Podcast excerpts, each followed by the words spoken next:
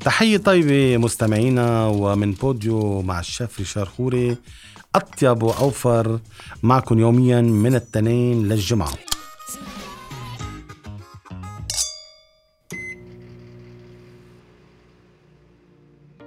مثل ما عودناكم يوميا أطباق شهية لذيذة وفيرة وكمان بنشوف شو فينا نوفر قد ما فينا.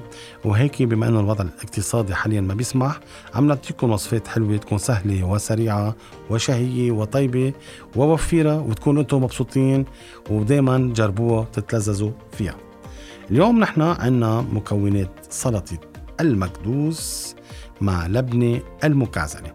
اليوم بالبيت بيكون في عنا نحن دايما مرتبين في لبنه مكعزله جيبينها من الجبل أو حدا هدينا إياها أو شرينا وممكن تبقى أشهر بالخزانة ما نستعملها. فهلأ بهالوضع فينا نستعمل سلطة بنفس الوقت يكون طبق رئيسي ومنكه بطعم طيب مع المكدوس ولبنة المكعزلة. كمان المكدوس مستمعينا نحن بظن مثل كل بيت بيكون في مرتبين من المكدوس الباذنجان معمول جينا هدية أو شيرينه أو نسينه بالبراد من فترة سبعة ثمان شهور وبدنا نتناوله بطريقة سهلة وسريعة. اليوم رح نعمل جاط من السلطة لنتلذذ بطعمته ويكون عندنا طبق من السلطة وطبق رئيسي ومغذي وفي نكهة جديدة وطريقته سهلة وسريعة. نحن بدنا نجيب خس خس بلدي اليوم اليوم الخسة اللي موجودة بالسوق. بنصحكم تروحوا على سوق الخضار وتشتروا آه، صندوق الخس اللي عم ينباع ب 5000 فيه 8 خسات أفضل من أنت تشتروه من الدكانة.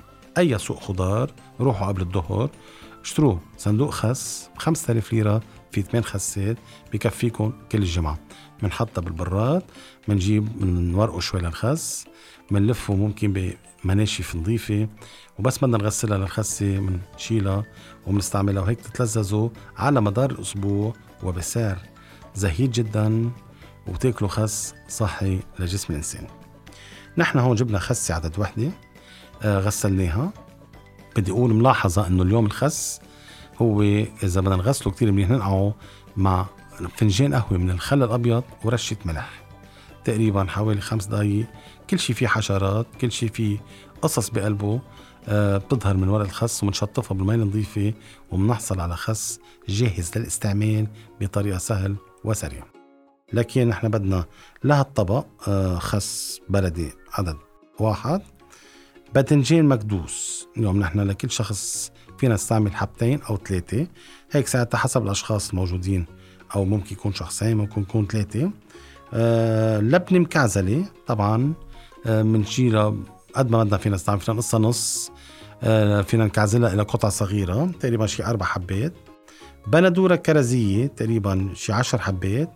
زيتون أسود أو أخضر إذا بدكم بس إذا أسود بكون أفضل تقريبا حوالي عشر حبات. رمان حب نصف كوب. ما بعرف إذا بتتذكروا بحلقة سابقة إن لكم نحن بنقطع الرمانة للنص ومن دقة والبزر فينا نحتفظ فيه بكيسين وبالفريزر. فبس يكون عندنا شي طبق بنشيل شوية رمان من الفريزر وهيك بسهل علينا. كل مرة نشتري ونوسخ حالنا ويكون في رمان جاهز للاستعمال. زيت زيتون نصف كوب ملح وفلفل. بنجيب الخسة نغسلها نفرمها فرم ناعم.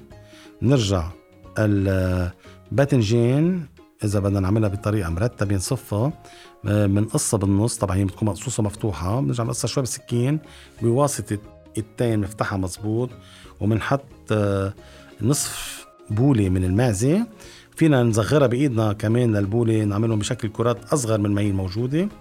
وبنحط حبة آه، بندورة كرزيه وبنحط حبة زيتون. ومرش كمان آه، ملح والفلفل على الوجه على الخفيف. وزيت الزيتون والرمان الحبل اللي بيعطيها قرشة وهيك بنتناولها مع الخس بطريقة إنه فعلا نحس عم ناكل إنه هالسلطة الطيبة الشهية وللي ما عذبتنا كتير.